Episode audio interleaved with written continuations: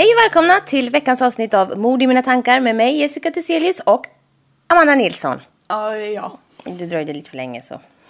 Too slow. If you snooze you lose. Jag blev utsparkad ur min egen podd. hur mår du? Jag mår bra. Lite... Hur bra kan man må när man ätit noll målmat idag? Jag har ju faktiskt ätit ett mellanmål med dig förut. Du äter för dåligt.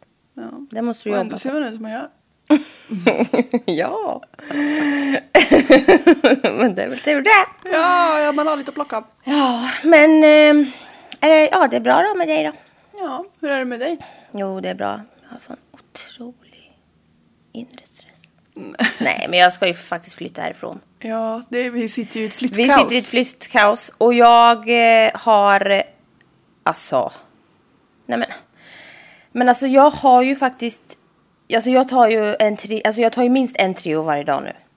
Senaste tiden alltså. Senaste två åren. Nej, men typ två veckorna. Ja. Det är det är enda som får mig att må bra.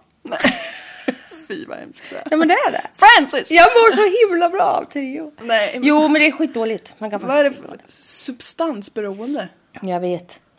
Men jag har haft som ont i Ja, det huvudet. hoppas jag eftersom du tar Treo. Ja, men man blir också jätteglad. Nej, det är något helt annat än Treo petar i det. Trio nässpray. That's all I need. Och kaffe. Va? Och kokain. Nej, det behövs inte. Men eh, förutom det så är det jättebra. Ja, vad skönt. Och du är ganska excited för att få flytta? Ja, men snälla. Man har ju ett hus. Ja. Jag är Det så jävla vuxen. Vi skrev på papper igår. Jag fick googla. Jag förstod ingenting. Nej, men alltså vi skulle skriva. Du hade behövt ha med dig ditt juridiska ombud. Ja, men typ. Jag skulle skriva på om jag hade om mitt hus var så obegränsat försäkrat. Typ. Nej, men det hette ju Skulle någonting. du skriva på om... Ja, och så visste jag, hur vet jag om det är där då? Och så har annars har du något belopp. Jag bara, jag vet inget belopp. Mm. Nej, men jag har ju för jättebra försäkring. Men jag har tagit allt som går att få. Ja, nej men alltså, ja. Det är så mycket med det där. Ja. ja, det där är så mycket vuxenpoäng. Ja, Jag förstår knappt hälften. nej. Men jag, ja, men på tal om att jag inte mår. Jag har ju dödat alla mina växter typ. Ja, Alltså alla. Och jag hade ju typ en miljon. Ja faktiskt. Det har Alltså tunnat ur det rejält i liksom, du skulle ha sett, alltså det är ju som en Jag har jävla... sett. Ja, alltså det är ju hej och välkommen till vegetationens kyrkogård. Ja, faktiskt. Det är inte trevligt. Men alltså det säger ju någonting om hur, hur jag själv... här. Jag tror det säger något hur jag mår. Ja, det känns... Alltså du har varit stressad i hela ditt liv men nu har, har du gått upp på ny nivå. Nu där det slagit slint. Nej, men jag är ganska... Alltså din monstera speglar ju... Nej, men alltså den har löss. Löss har den. Som inflyttningspresent önskar jag mig sticklingar av alla. Men det kan jag fixa. Skicka sticklingar till mig på posten. Går det? Ja, en liten Ja, kartong. folk säljer ju där på Tradera. Ja, just det. En liten kartong så, och så lite vatten och papper runt Ja. rötterna. ja. Nej, men det blir att börja om. Det blir mitt nya liv. Mm. Där sen i huset. Fatta vilka stora växter du kan köpa då. Jag älskar och, när de är jättestora och när de är jättesmå. Ja, jag älskar också allt jättestort och jättesmått. Det säger en del om oss tror jag. Ja. Vi tycker om överytor av alla slag. Ja. Ja. Nej men, hur mås Ja, det? men jag tog en rap. Ja, jag hör det. Vill du höra om en grej eller? Ja. Exalterad du. Jag känner mig så uppskattad där borta. ja. Nej men det ska bli jättespännande. Eh, när jag lyssnar på en, Jag måste säga en sak som var så jävla dumt. När jag lyssnade på en podd häromdagen. Så sa de så här. Ja, ah, bla bla bla. Njursten. Och så tänkte jag. Fy fan vilket dåligt smeknamn. Va? Jag tänkte inte på njursten, njursten. Jag tänkte på att någon kallades, alltså någon hette Sten och kallades njursten. typ, ja här kommer Pattlis och njursten.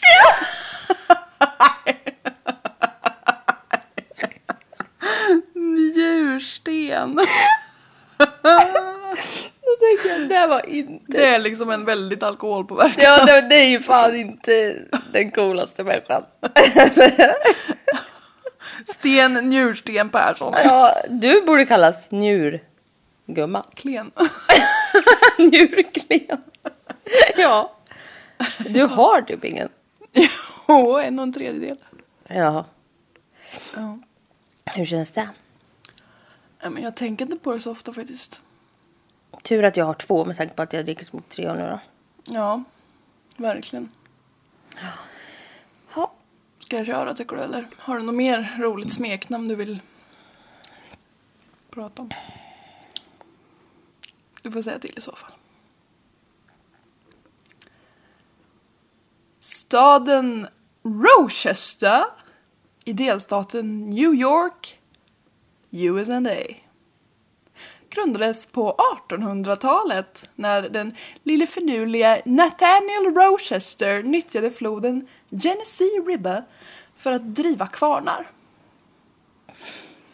Hej och välkommen till Historiepodden.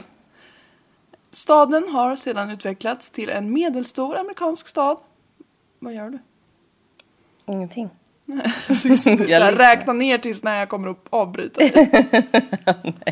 Jag pillar på neglar. Ja. Du har tre, två, ett. Staden har sedan utvecklats till en medelstor amerikansk stad med cirka 210 000 invånare. Vilket är ungefär lika många som i Uppsala som är Sveriges fjärde största stad. Det säger en del om det här landet. Att deras medelstora städer är lika stora som våra jättestora städer. Ja. Jag gör en Vart sa du att de var? Vart, geografisk vart är vi? jämförelse. Sa du, sa du New York? Mm. Ja. Delstaten New York. Ja, ja, ja. Inte the...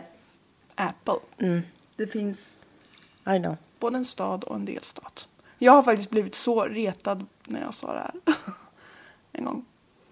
Va? Jag, vis- jag är en välutbildad människa och vet att New York både finns som delstat och stad. Ja. Och folk skrattade och pekade åt mig och sa att det är en stad. Nej men. Och då fick de googla och se.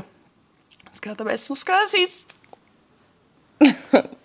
Hur gick det här då egentligen? Och när var det? Det var en vän, gemensam vän till oss. Som alltid mobbar dig? Ja. Ja.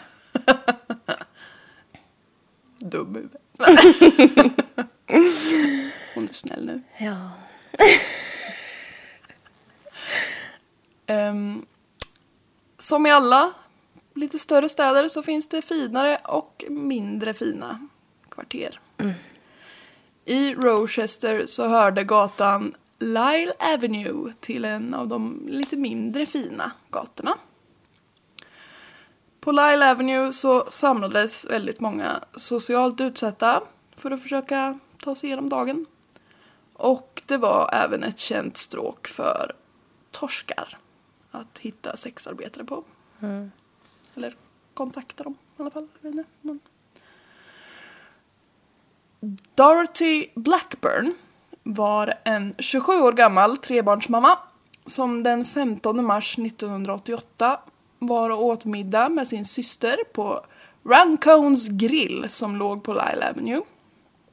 Jag kan tänka mig lite hur en restaurang som ligger på en sån här gata är. ja. Nog sagt om det.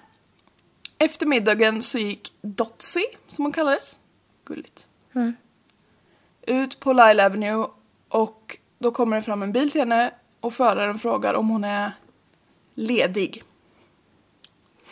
Dotsy hoppar in i bilen och eh, de kör till Northampton Park som ligger lite längre upp för den här gatan.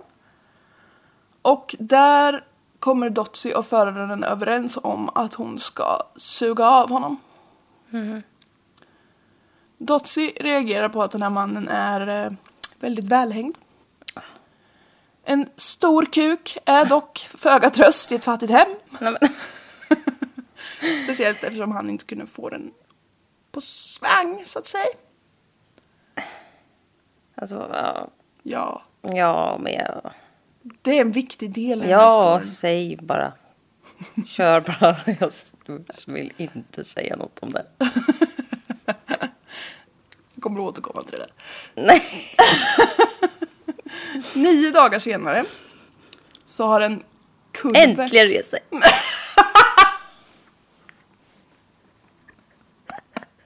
Det tog ett jävla tag. Hon är ihjärdig i det där. Nej. Nej, vad hemskt. Ja. Nio dagar senare så har en kulvert i Solomon Creek täppts igen. Och några arbetare har skickats dit för att rensa bort bråte. Bland grenar och skräp så hittar de en skyltdocka. Nej. Det visar sig vara Dotsys kropp. Hon har blivit strypt med någons händer och har kraftiga bitskador, bitmärken runt klitoris och vagina. Nej.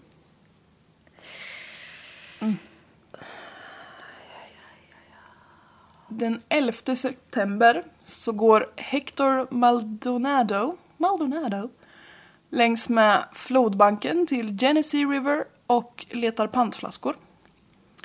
Han har inte hunnit så långt innan han stöter på en kvinnokropp som ligger i fosterställning med jeansen neddragna till anklarna och naken på överkroppen. Hector ringer då såklart polisen som senare kunde konstatera att den här kvinnan hette Marie Ann Steffen, var 27 år gammal och hade trol... Ja. och hade troligen dött ungefär tre månader tidigare. Oj. Hon hade blivit strypt med händer också.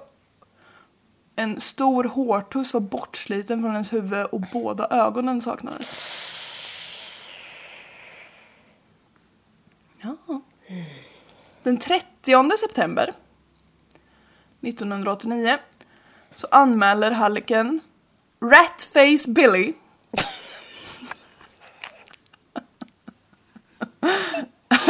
Ja, vad, Ja. annars Eller hur? skulle han heta? Han använder det om sig själv också. Ja. Sin, eh, inom citationstecken, flickvän Patricia Ives försvunnen.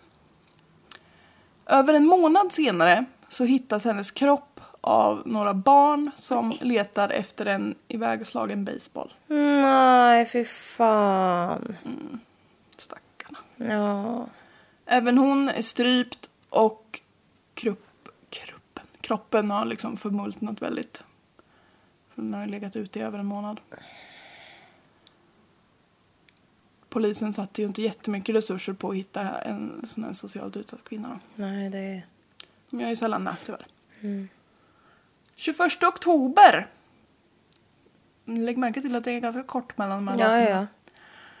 1989 så är ett gäng fiskare ute vid Set Green Island som ligger i Genesee River då fortfarande. De stöter på ett bylte med kläder som de tycker ser konstigt ut.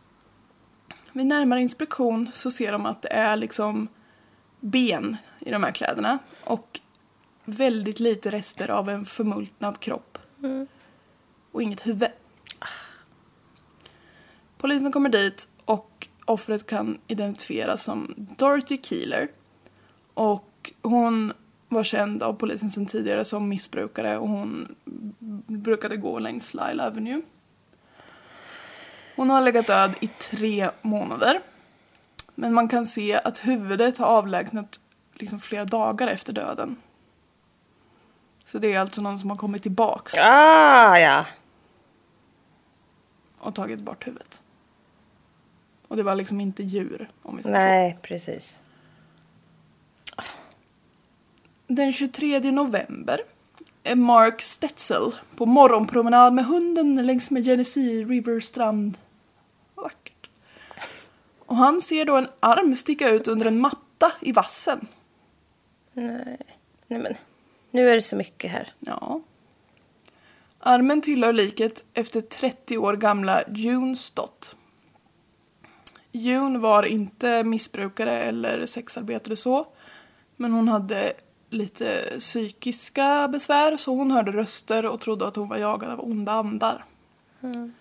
Så hon hade liksom också råkat ut för social utsatthet helt enkelt. Hon levde som hemlös på Lyle Avenue. Det är, ja, det är väldigt Det är vilket många utsatta. mörker alltså. Ja. Polisen kunde konstatera att June blivit strypt till döds, att kroppen blivit analt våldtagen efter döden. Kroppen hittades med ansiktet ner, men med hjälp av likfläckarna så kunde man visa att den hade Legat åt andra hållet. Ja, precis. Så det tyder ju också på att någon har liksom varit och vänt på den här kroppen. Något annat som också tydde på att det var vänd på var att den var uppsprättad från halsgrop till anus. Ah, Hela vägen. ah, Ja. Alla inälvor var borta. inälvor. Förstör inte Nej, förlåt. Alla inälvor saknades. Och blygläpparna var bortskurna. Nej.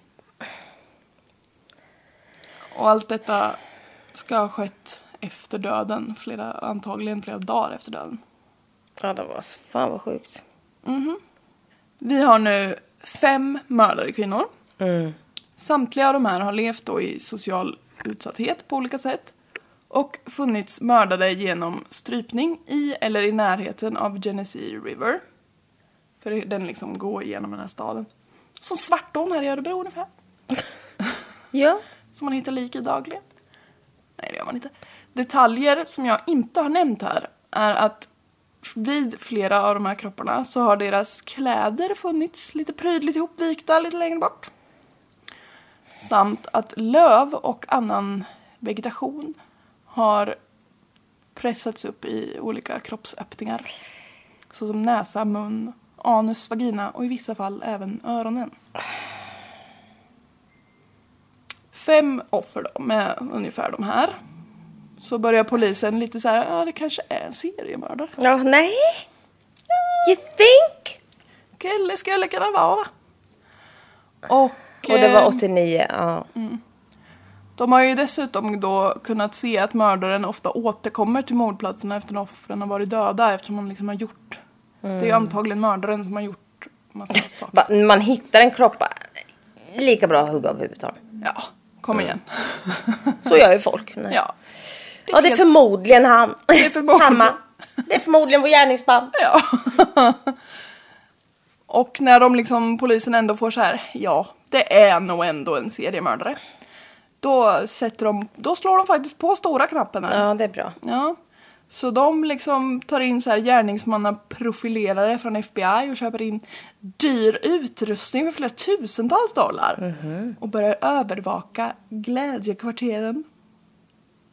Ursäkta. Ja. De kallade det så. Ja, men det där tar du inte i din mun. Spotta ut. Usch, vad äckligt. Säg inte så. Nej men, Nej, men fy vad hemskt. ja, det är inte mina ord. Nej, men... Även- De kallar det även för stadsmadrassen. Nej, men... Ja, Nej. mysigt. Ja, det är inte Det jag. är äckligt. Det är jättevidrigt. Trots att de slog på stora nivåer så hittas den 15 november kroppen efter Kimberly Logan. 27 november hittas Elizabeth Gibson och den 31 december hittas Felicia Steffens kropp. De här kunde också kopplas till samma mördare på grund av den här vegetationen som man har stoppat upp. Och lite fint ihopvikta kläder. Åh, vad fan. Den 4 januari 1990, har vi ramlat över på nästa år, så flyger en polishelikopter över Rochester för att liksom spana lite allmänt sådär. Helikoptern flyger över en liten bro. Ursäkta, vad hade jag för intonation? Flyger över en liten bro. Helikoptern flyger över en liten bro som går över Salomon Creek som då mynnar ut i Genesee River. Allting är ju runt den där jävla floden. Och när polisen Ja, de flyger över den här bron när de ser en kropp som är fastfrusen i isen precis under bron. Eller ja, precis vid bron. Uppe på bron så står en man och liksom tydligt tittar ner på kroppen samtidigt som han, vad poliserna tror, urinerar. Nej, han runkar. Ja. Och fy fan vidrigt. Och fy fan! Ja. Och då är den fastfrusen. Då har han kommit tillbaks. När mannen får syn på den här polishelikoptern så hoppar han snabbt in i liksom passagerarsätet på sin bil. Och så kränger han sig över till förarsätet och kör vidare iväg. Så han vill ju liksom så här get out of sight så fort som möjligt. Polisen tycker ju att det här är ett aningen märkligt beteende. Ja. Så de tar ju bara regnumret på den här bilen. Och den visar sig tillhöra Clara Neal. Okej. Och polisen åker ju då hem till henne och bara Hallå hallå, vad sker? Klara berättar att hon brukar låna ut sin bil till sin gode vän Arthur Shawcross. Så även idag. När polisen slår lite i sina register på den här Arthur så ser de att han är dömd... Artur! Arthur! Han är dömd för mord tidigare. Nej. På två barn. Nej! Ja. Polisen besöker Arthur. Arthur. Och han är jätteupprörd. Brusig. Eller så här. Brötig karl som bara... Sådär. Som de är, du vet. Ja. Ja. Alla män. Polisen liksom åker därifrån för han var jobbig. Men de sätter huset på bevakning. De sätter, de sätter huset i lågor. Och den här skiten tar vi inte. och så hämtar de honom på morgonen istället och tar in honom till station på förhör. Ja. Jag vet inte varför de inte plockade honom direkt men de tyckte väl att det var... De skulle väl snart gå av sina skift eller något, vad vet jag. Ja, okej. Efter ett ganska kort förhör inne på stationen här så erkänner Arthur de här, jag kommer inte ens ihåg om det var åtta eller nio morden nu då. Och kan dessutom leda polisen till ytterligare tre. De kropparna tillhörde Darlene Trippy som var 32, Francis Brown som var 22 och Maria Welsh som också var 22. Fy fan. Och den här kroppen som polisen hade sett från helikoptern tillhörde June Cicero. Det är ju alltså, Ja. vad, vad är jag uppe i? 12 kroppar tror jag. 12 mord. Vem är då den här lille motherfuckern? Ja. Och två tidigare mördade barn. Arthur J. Shawcross föds den 6 juni 1945. Sveriges nationaldag. Och kommer bli äldst av fyra syskon till föräldrarna Bessie Jerkes... Jerry... Jerking... Jessie Jerking Shawcross. Nej, Bessie... Bessie Shawcross. och Arthur R. Shawcross. Det är fjantigt med att man ska döpa sin förstfödde son till sitt eget förnamn. Ja. Det ska jag göra. Gör det. Min förstfödde son ska heta Amanda. Amandus. Amadeus Mozart. ja. Syskonen heter Jean, Donna och James. Jag har läst en bok på det här, eller en del ur en bok och författaren skrev Arthur var uppenbarligen det enda ruttna äpplet i korgen. ja. Så snällt. Han hade uppenbarligen inga vänner. Eller han hade tydligen inga vänner. Han är tydligen med vänner. Till en början så var det liksom inget avvikande med lilla Arthur. Små barn har inte så mycket att avvika ifrån. Alltså jag tänker bara på Arthur och lillemor. Ja. Hej, vilken underbar dag det är! Man får vara som man är. Jag läste en nyhet om att det liksom först nu har lagts ner. Det har alltså gjorts Va? nya avsnitt. Av Arthur? Ja, ända fram till nu typ. Oh my god. Vi måste se alla.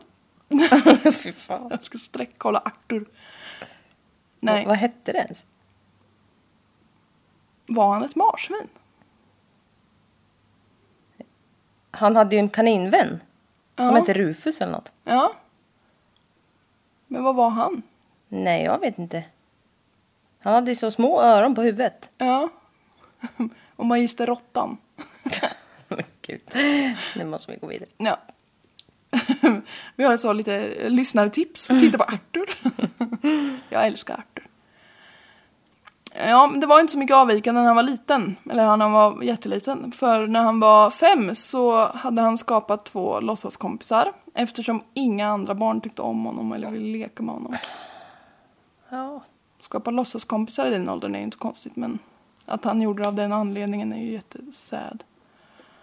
Han började skolan på Brownville Glen Park Central School och blev mobbad från typ dag ett. Han var lite annorlunda och eftersom barn är otroligt elaka individer individer, varelser så utnyttjade de andra barnen det. Arthur blev liksom väldigt arg när någon retade honom. Och ja, men ju det är inte bra. Nej, då är det jätteroligt att reta. Ja. Och han... eh, Vad heter det? Han började svettas väldigt mycket. Nej men gud. Ja. Ja. Och så Men ska... relate. Ja. Och så skakade han nävarna. Inte liksom som att han slogs utan han blev bara så arg så att han skakade dem upp och ner. Så det var ju... De tyckte att det var en jätterolig Men reaktion. alltså vad hemskt. Ja, det är jätteelakt. Men också fucking hate that guy. Ja, ja, ja. För jag vet ju. Det känns, ja precis, det känns lättare att han hade haft en så här hemsk barndom eftersom han blev så hemsk. Ja, men det är också... Anledningen antagligen, en stor del. Eftersom han blev mobbad och ingen ville leka med honom så lekte han ju då med sina låtsaskompisar och försökte hålla sig för sig själv. De här pratade han med på liksom barnspråk. Han pratade som ett väldigt litet barn, typ så här. Ja, men du, nej, Nej. nej. Han pratade som ett litet barn pratar. och det här det triggade ju inte de här mobbarna mindre. nej. De tyckte det var roligt att reta honom. Skolan tyckte ju att Arthur var ett problembarn som liksom ställde till det och han kom minsann inte överens med de andra barnen. Så kan man beskriva det. Mm. När Arthur var... Jag uttalar hans namn olika varje gång. Ja.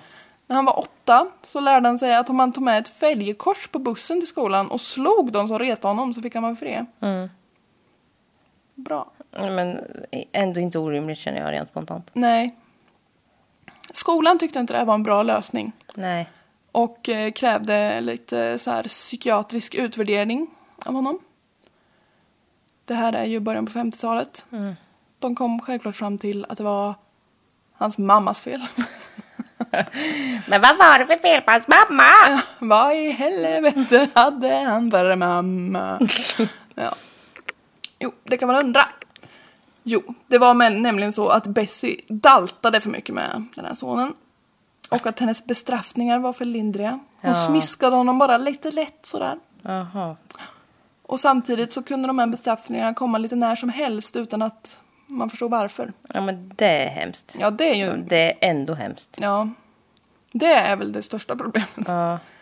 Så den här pojkstackaren blev ju totalt förvirrad, tyckte psykologerna. Och det var han säkert. Pappa var, äh, Arthurs pappa då var, som också heter Arthur, var militär. Så det var strikt och jävlar i mig hemma. Alla barn skulle vara prydliga och rena. Kläderna skulle vara liksom vikta och fanns stela. Ja, precis. Och rummen städade och öronen tvättade. Mm. Annars var det smisk. Och Arthur liksom försökte ställa sig in hos föräldrarna och ge dem gåvor och så här. eh, Han försökte typ förtjäna deras kärlek. Ja, fy det fan, ska inte barn behöva göra. Nej. Han stal också pengar ifrån sina föräldrar för att betala... Köpa dem gåvor. Nej. Han förstod liksom inte riktigt sådär. Nej, men för att betala mobbarna och lämna honom i fred. Nej men fy fan vad mörkt. Ja. Varför? Ja men vadå? Det är väl bättre att bara slå dem med fällkorset då? Ja. Han fick ju inte ha med sig fälgkorset. Nej. De tog hans fälgkors. Hans enda försvar. Ja. Han eh, blev liksom som en rädd hare den här stackars pojken och var ju liksom på helspänn hela tiden och typ flämtade och hade uppspärrade ögon ständigt. Han hamnar efter i skolan och lärarna bara det beror på hans attityd och inställning, inte hans intelligens. Prova att leva under ständigt hot ska du få se hur intelligent du känner dig. Arthur föll ofta tillbaka i att prata som ett litet barn när han blev stressad. Och han utvecklade även en så här neurotisk blinkning som man har än idag. Som ett tics. Ja. Och den är, för jag har sett honom i intervjuer och den är, den är tydlig. Det är så här, en, två, tre, fyra, fem. En, två, en, två, tre, fyra, Jaha, fem. jaha okej. Han liksom så blinkar väldigt fort som att han försöker få ut något ur ögat liksom. Han betedde sig väldigt ofta som ett mycket yngre barn än man var. Så han vill ju liksom han, hans reaktion på när han vart liksom pressad eller stressad var att han ville, ville börja gråta som ett litet, litet barn gör.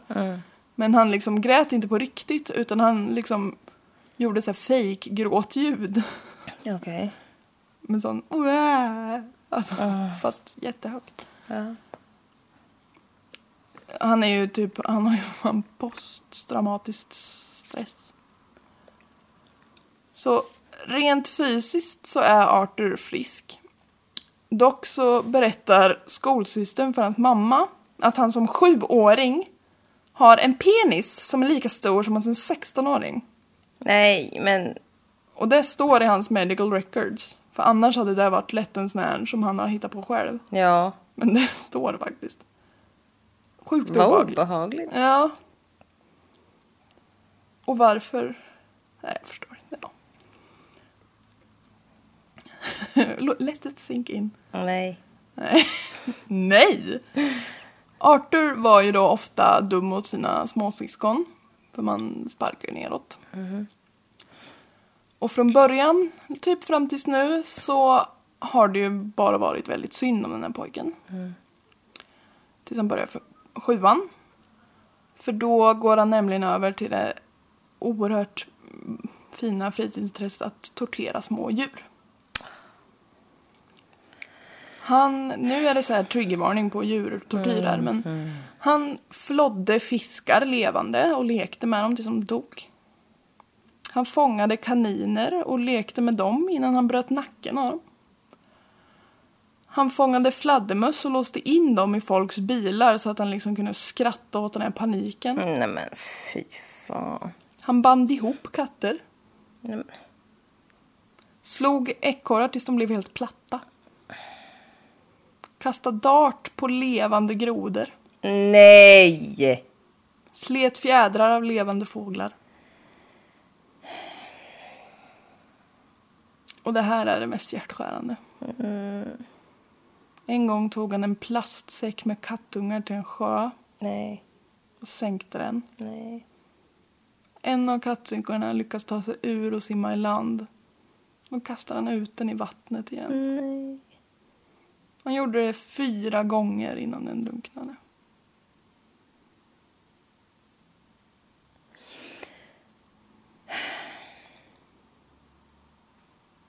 Ja, nu får du gå hem. Ja, ja men eller hur? Jag blir så jävla ledsen. Jag, vill inte ens tänka. Nej, jag ser framför mig. Alltså, det här är det, alltså, djur är det finaste vi har. Jag kan inte med det här. Jag älskar alla djur. Ja, jag med. Fy fan. Av att tortera och ha ihjäl stackars djur så lärde sig Arthur att det lät väldigt mycket när man gjorde det. Och att det kom urin och avföring ur en kropp när den dog. Och det var ju jätteäckligt för han hade lärt sig att han skulle hålla sina kläder rena och fina hela tiden. Så för att eh, undvika det så stoppade han upp löv och växter i kroppsöppningar. Aha! Oh my god, that kid is traumatized. Verkligen. När Arthur Ja. fyller... Ja. Arthur fyllde 15 så har han gått från mobbad till mobbare. Han har ju liksom blivit grannskapets skräck här nu och gav sig gärna på yngre barn, liksom slog och skrämde dem. Och om det var någon i hans egen ålder så, om han inte rodde på dem med sin egen storlek kan man säga, då tog han till ett baseballträ. Han började begå ringa stöld och inbrott så gott som dagligen. Han talar fortfarande med en väldigt så här barnslig och gäll ankerröst. Nej. Jo, jag kan inte Nej. föreställa mig hur det låter. Men, ja. Han utvecklade också vanan att gå den rakaste vägen mellan A och B hela tiden. Han gick liksom stel som en pinne som och svängde med armarna Nej, och bara rakt fram. marscherade rakt Ja. på. Ja. En kusin har berättat att han liksom gick ner sig i kärr och behövde bli räddad för att han bara han vägrade att vika av. Alltså det där är extremiteten av så gubbar som inte flyttar på sig på gatan. Och han liksom klättrade hellre över höga taggtrådsstaket och rev upp hela sig än att ta grinden som liksom låg någon meter Men vilken jävla idiot. Ja. Men han har ju tvångstankar. ja, han har ju, han är ju totalt förstörd. Han har ju det ena och det andra så att säga. Ja. Han har en pinne på spektrat. Eh, Han var även sängvätare upp långt i åren. Och han blev inlagd på sjukhuset flera gånger för major trauma to the head. Ja. Ja, han har alla de där pinnarna. Bland annat så föll han från en 12 meter hög stege, träffades i bakhuvudet av en slägga och blev påkörd av en lastbil. Åh, jag trodde det var i samma bild. ah, what a day. Oh, ja, precis så, så hård dag. Nej, olika Men alltså, tillfällen. han kunde väl lika väl ha blivit helt överkörd. Ja, det hade sparat mycket så att säga. 1964 så är Arthur 21 och gifter sig med Sarah Louise Chatterton. De får samma år en son som de döper till Michael. Äktenskapet blir dock inte så långvarigt. Sarah menar att Arthur är väldigt barnslig och alltid hittar på ursäkter för att slippa gå till jobbet. Och hon var även missnöjd med sexet. För även om Arthur hade en väldigt stor skinnspik Nej, men säg, nej men vad fan. så blev den aldrig spänstigare än en ostekt baconskiva.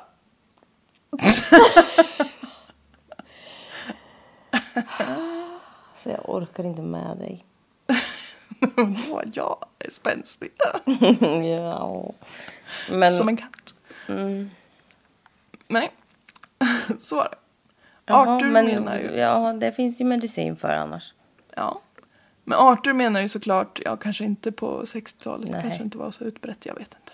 Viagra har väl i och för sig funnits så länge som helst.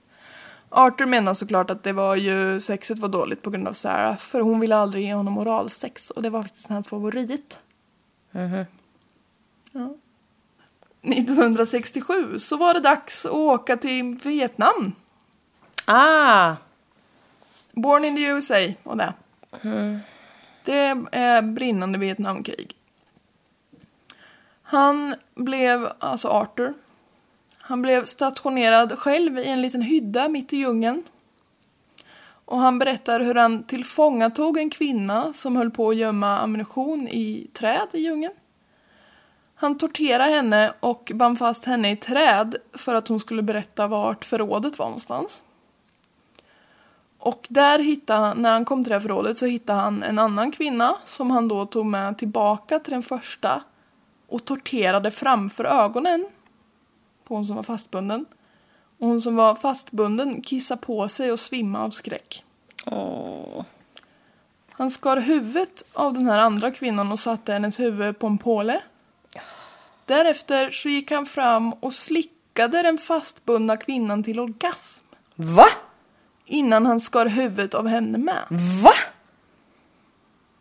Ja, fast det vet ju inte någon.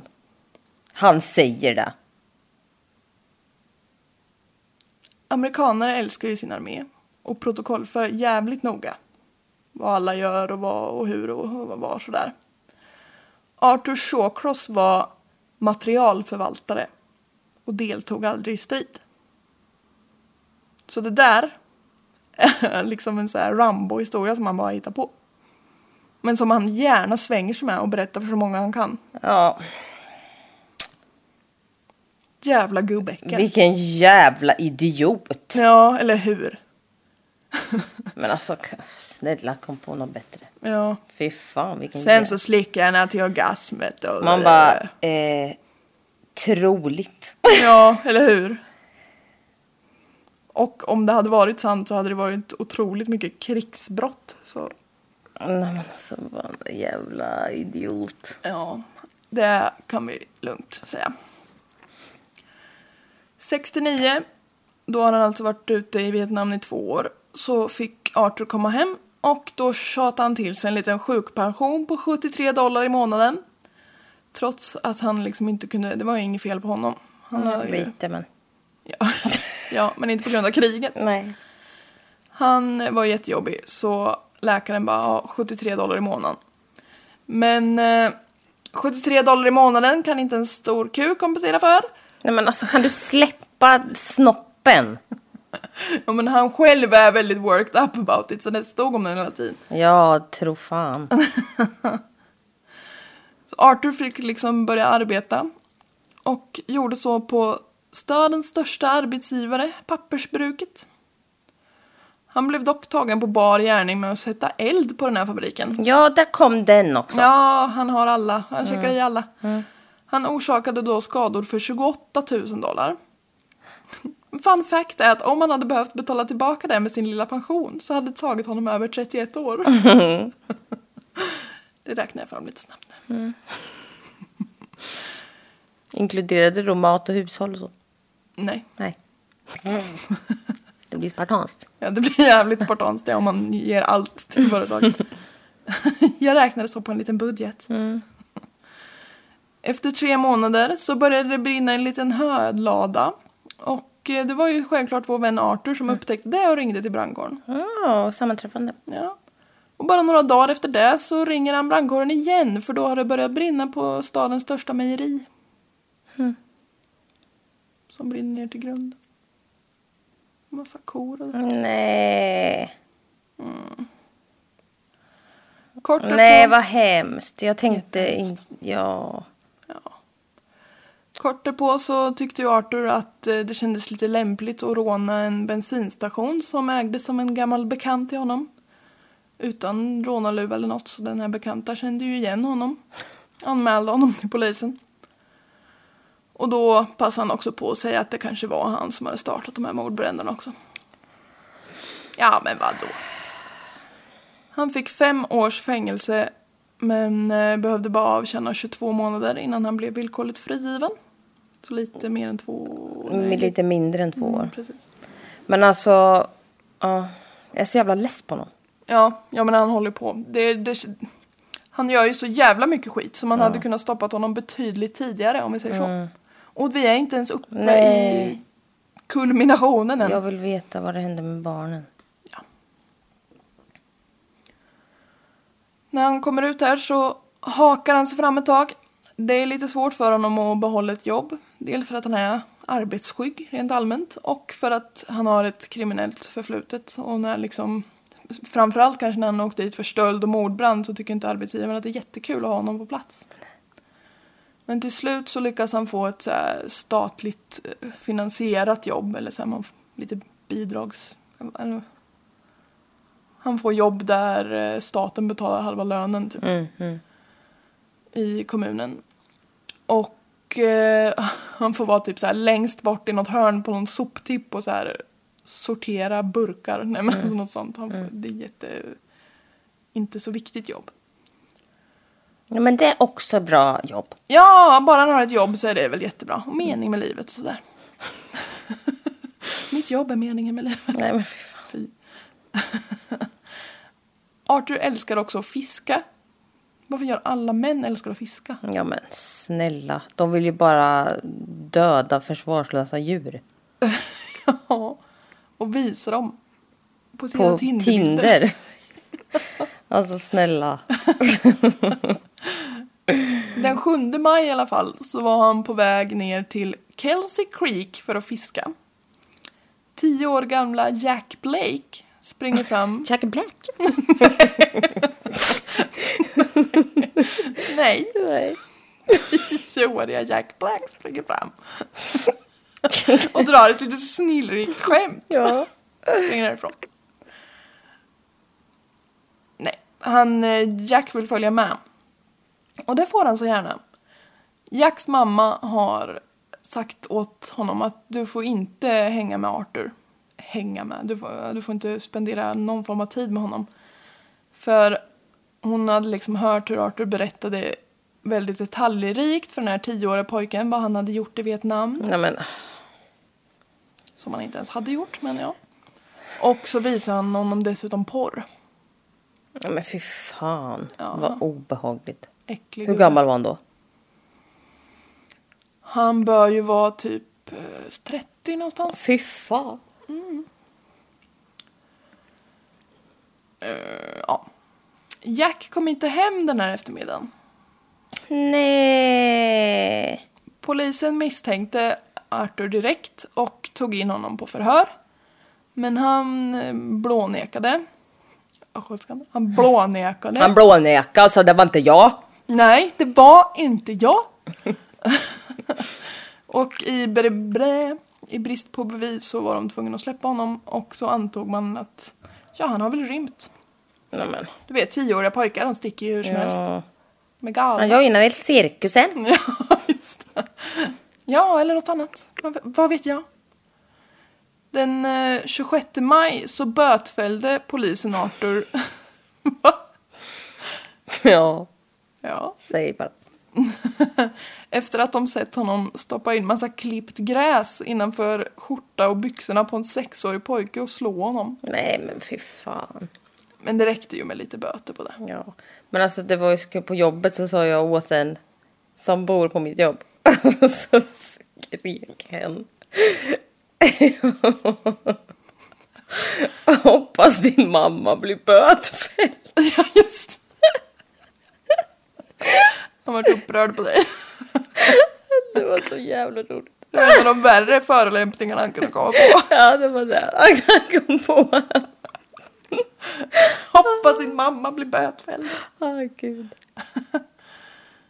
Den 2 september 1972 så slår polisen larm efter en anmälan om att åtta år gamla Karen Hill har försvunnit från trädgården bakom sin mormors hus.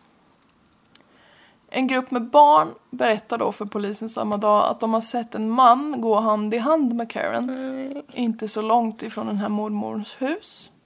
Men varför är det? Det är ju likt det jag pratade om förra gången. Eh, De hade gått över en bro och eh, mannen hade liksom lyft Karen över broräcket och liksom fört henne längs med så för att visa henne fiskarna i vattnet. Åh fy fan vad läskigt. Ja. De här barnen kände inte igen mannen men de kunde tydligt beskriva hans cykel som stod lutad mot broräcket. För den var en vit damcykel med bruna skärmar och en liten korg. Och det var tydligen unikt, jag vet inte. Klockan tio samma kväll så hittas Karens kropp vid flodkanten med ansiktet ner i dyn. Kroppen var våldtagen både analt och vaginalt och ansiktet har därefter tryckts ner i dyn så att Karen har kvävts. Ja men fy fan. Åtta år, alltså vad är det för jävla skit? Hon hade löv och gräs uppstoppat i näsa, mun, anal och vagina. Mm. Polisen satte in hundar som sniffade så lite längs floden. De joggade över bron som barnen hade sett Karen och den här mannen på. Och sen sniffade de sig in på Clover Street, rakt fram till ett hus där en vit cykel med bruna skärmar och en korg stod lutad mot fasaden. Hoppsan. I det huset bodde Arthur Shawcross. Och han blev omedelbart gripen. Efter ett tag så erkänner Arthur mordet på Karen Hill då i förhör. Polisen passar då även på att fråga om den här Jack igen. För de tänker att hur många barnamördare som helst finns det inte i samma lilla stad. Arthur erkänner ingenting men han på något sätt så antyder han vart polisen ska leta någonstans. Okej. Så i det området som Arthur sagt att han har varit och fiskat samma dag som Jack försvann då, så hittas Jacks lilla kropp i en grundgrav med massa bark över. Ett par meter därifrån så låg hans kläder prydligt ihopvikta. Han har ju legat ute då mellan 7 maj och 6 september. Oj, oj. Så det är nästan inget kvar på den här kroppen förutom benen. Arthur säger själv att han har våldtagit Jack och sen slagit ihjäl honom med liksom slag mot ansiktet. Han säger att han skar bort både pungen och penisen och åt upp dem. Och en bit av hans hjärta. Men det är ju inget som går att bevisa. Och han har ju en tendens att överdriva den här karln så vi hoppas väl att det var så. Och sen får han sjukaste plea-dealen, Arthur. För att han ska erkänna mordet på Jack så erbjuds han att han inte liksom ska få någon påföljd, eller påföljden ska inte bli värre för mordet på Karen.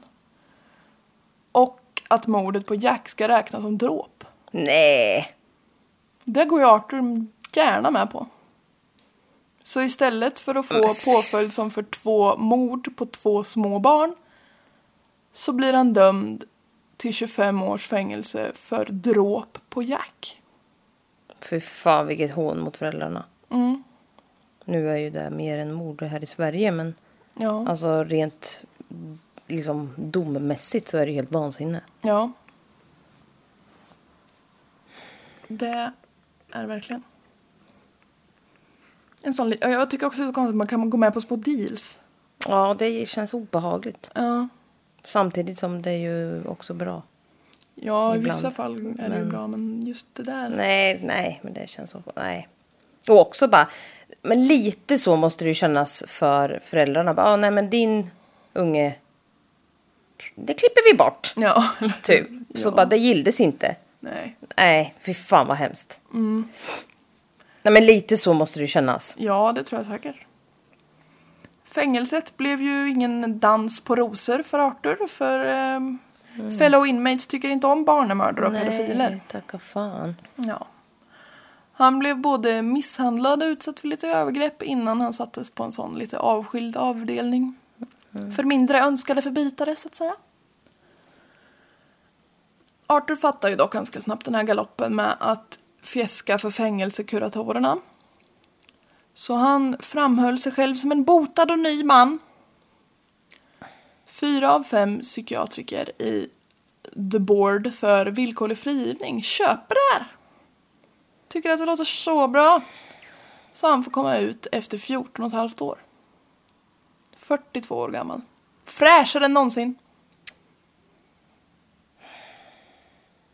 Ja. Det är typ mindre än man hade fått sitta i Sverige om man hade fått livstid.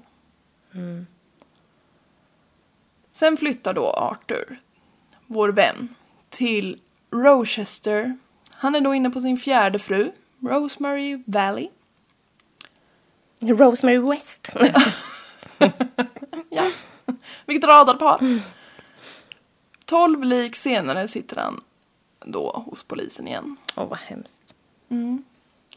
Den här gången så döms han till 250 års fängelse utan möjlighet till villkorlig frigivning. Ja. De bara, vi tar det andra straffet och så lägger vi på en nolla. Helt rätt. När Arthur har ställt upp på intervjuer både för böcker och dokumentärer och det enda som han är väldigt detaljrik om är ju de Kuken. här... Ja, bland annat. Nej men eh, de här krigsgrejerna i Vietnam, där kan han prata mycket om. Men när de frågar om de andra så bara... Nej men det behöver vara så. Han är så kort, fåordig och så här... Om man kan söka på Youtube på hans Arthur Shawcross bara så kommer de fram de här dokumentärerna. Och han liksom sitter och bara... Nej det var så. Ja, vet inte varför. Ja, jag gjorde bara så. Mm, lägg av då. Fråga inte. Han vägrar att svara på något av eh, frågor kring barnen typ. Han berättar i alla fall att de flesta av hans offer mördade han för att de skrattade åt honom för att han inte kunde få upp kuken. Ja, troligt. Eller hur? Antagligen så tyckte han bara att det var jättejobbigt själv och blev förbannad. Ja, men alltså vad är det med det? Alltså vad fan. Ja, Kom över det. Det är inte det värsta i hela livet. nej. Fy fan vad töntigt. Ja. Hela manligheten är borta vet du. Det går Ja. inte att använda skiten. Nej men alltså. Ja. Andra gånger säger han att de ska ha rotat runt i hans plånbok efter pengar. Otroligt. Troligt. De här blygläpparna som Nej, han men- ska... Nej, men. Det kom lite rakt på så. Ja, de här blygdläpparna då? Du kan inte säga så här. Förlåt. Han berättade ju att han skar bort lite Jo, blygdläppar. nu är vi tillbaka till de där blygdläpparna igen. Du vet de här kända. Ja, återfanns de eller vad? Nej, de åts.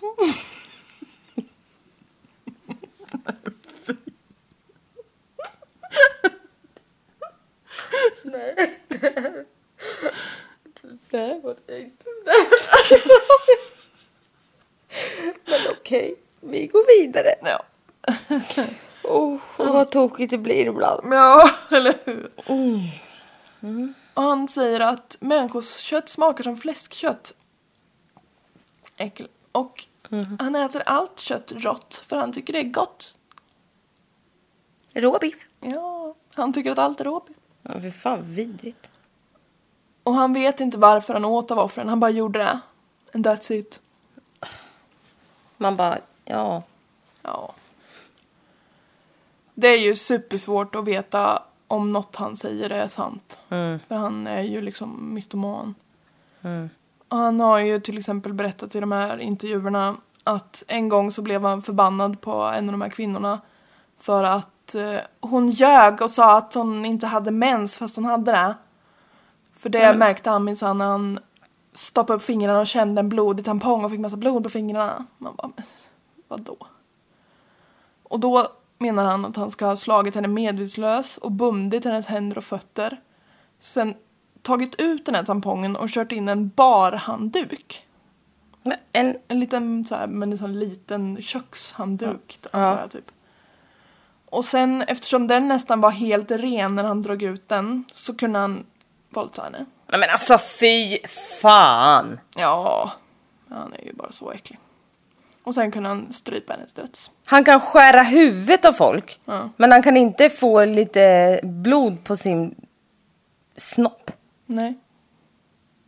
Jag hatar honom. Ja. En annan kvinna ska han ha råkat kväva med sin stora kuk när han Nej, körde men- 69 Nej men sluta. För han menar att det är en naturlig reaktion att bara fortsätta pumpa när han Nej, fick men- kiss i mun. Och han kunde inte Va? hejda sig så hon dog. Ja men hon höll ju på att dö. För att han liksom, Nej, men- Och då kissade hon på sig. Nej men Och då var det en naturlig reaktion för honom tyckte han. Ja. Ja. Nej men alltså jag vet inte om jag orkar mer. Nej. Nej. Ha. När han har suttit inne i typ så här par år, nej men flera år. Så får han liksom ett glatt litet så här. Hej, jag är din dotter. Jag skulle vilja träffa dig. Jag har inte skrivit ner vad hon hette men hon, den här dottern, tar liksom kontakt med sin pappa då. Ja, men, Och är liksom så, jag vet vad han har gjort men han är så trevlig och snäll mot mig. Med liksom hennes barn får träffa honom och allt möjligt som är småbarn. alltså, Och han bara, jag har berättat saker för henne som jag inte ens skulle berätta för er. När de liksom intervjuar honom för dokumentären. Och bara, de små barnen har han inte sagt något till. Men eh, jag kommer vara öppen och ärlig med det sen. Man bara, "Eh, ursäkta. ja, men alltså ska han vara lite hoola baloola med det här? Ja, och så frågar intervjuaren i den dokumentären frågar typ så här, ja men vad, hur skulle du känna om någon mördade och våldtog någon av din, dina barnbarn? Då bara, "Äh, lägg av, det där är inte kul typ. Jag skulle bli jätteledsen. Man bara, ja. Ja, men alltså jag orkar. Nej, han är bara vidrig. Och så är han så när de frågar om de här barnen som han mördade tidigt. Så Sluta med det där. Ställer du mer frågor än dem, då går jag härifrån. Då vill inte jag vara med faktiskt. Nej. Den 10 november 2008 så Dör den han. jäveln. Ja, han får hjärtstillestånd i fängelset och blev Lika. 63 år gammal. Ja. Har du hört om någon gubbjävligare gubbjävel? Nej men alltså fy fan. Ja. Det har inte jag hört om en sån. Nej, jag hade inte det heller innan. Arthur kallas då The Genesee River Monster. Han mördade alltså två barn mellan 71 och 72 och 12 kvinnor mellan 88 och 89. Ja det är fucking sjukt. Ja, han gick on en rampage. Ja. Men alltså jag hatar honom så jävla mycket. Ja. Ja, men han är alltså så jävla gubbig bara. Ja, och jag kände bara I fucking hate you. Bara, Oh, fuck you and your penis. And your sladder penis. Ja, men han är vidrig. Källor, lite snabbt sådär. Jag har läst ett bokkapitel ur en bok som heter Seriemördare av Christopher Berry D. Som är... Han är lite gammaldags om vi säger så. Han uttrycker sig lite märkligt. Men eh, Det gör vi med ibland. ja, informativt i alla fall. En YouTube-dokumentär, om jag inte kommer ihåg vad den hette. Man googlade i alla fall, eller sökte på hans Arthur Shawcross så kom den fram. Och lite Wikipedia och Murderpedia. Och sådär. Tack så hemskt mycket för det här, jag mår skit. Mm, varsågod. Det var mitt mål med dagen. Ja då, Ja, en trio på det här sen. jodå, känner man att man lever. Ja, det... Om ni känner för att följa oss på Instagram får ni gärna göra det. Mord i mina tankar heter vi där. Och Jessica jag- Thys. Heter du. Och Redlock heter du. Ja. Tips om fall, jag får tips. Det är kul. Ja, vi får också lite tips. Jag vet inte hur jag ska hinna skriva ihop något till nästa vecka men det får vi se hur det blir med det. Det blir Det nog brukar bra. lösa sig. Ja. Ehm, har det så kul på restaurangen. Den här chans får man bara en gång i livet. vi hörs. Det gör vi. Hej då. Hej!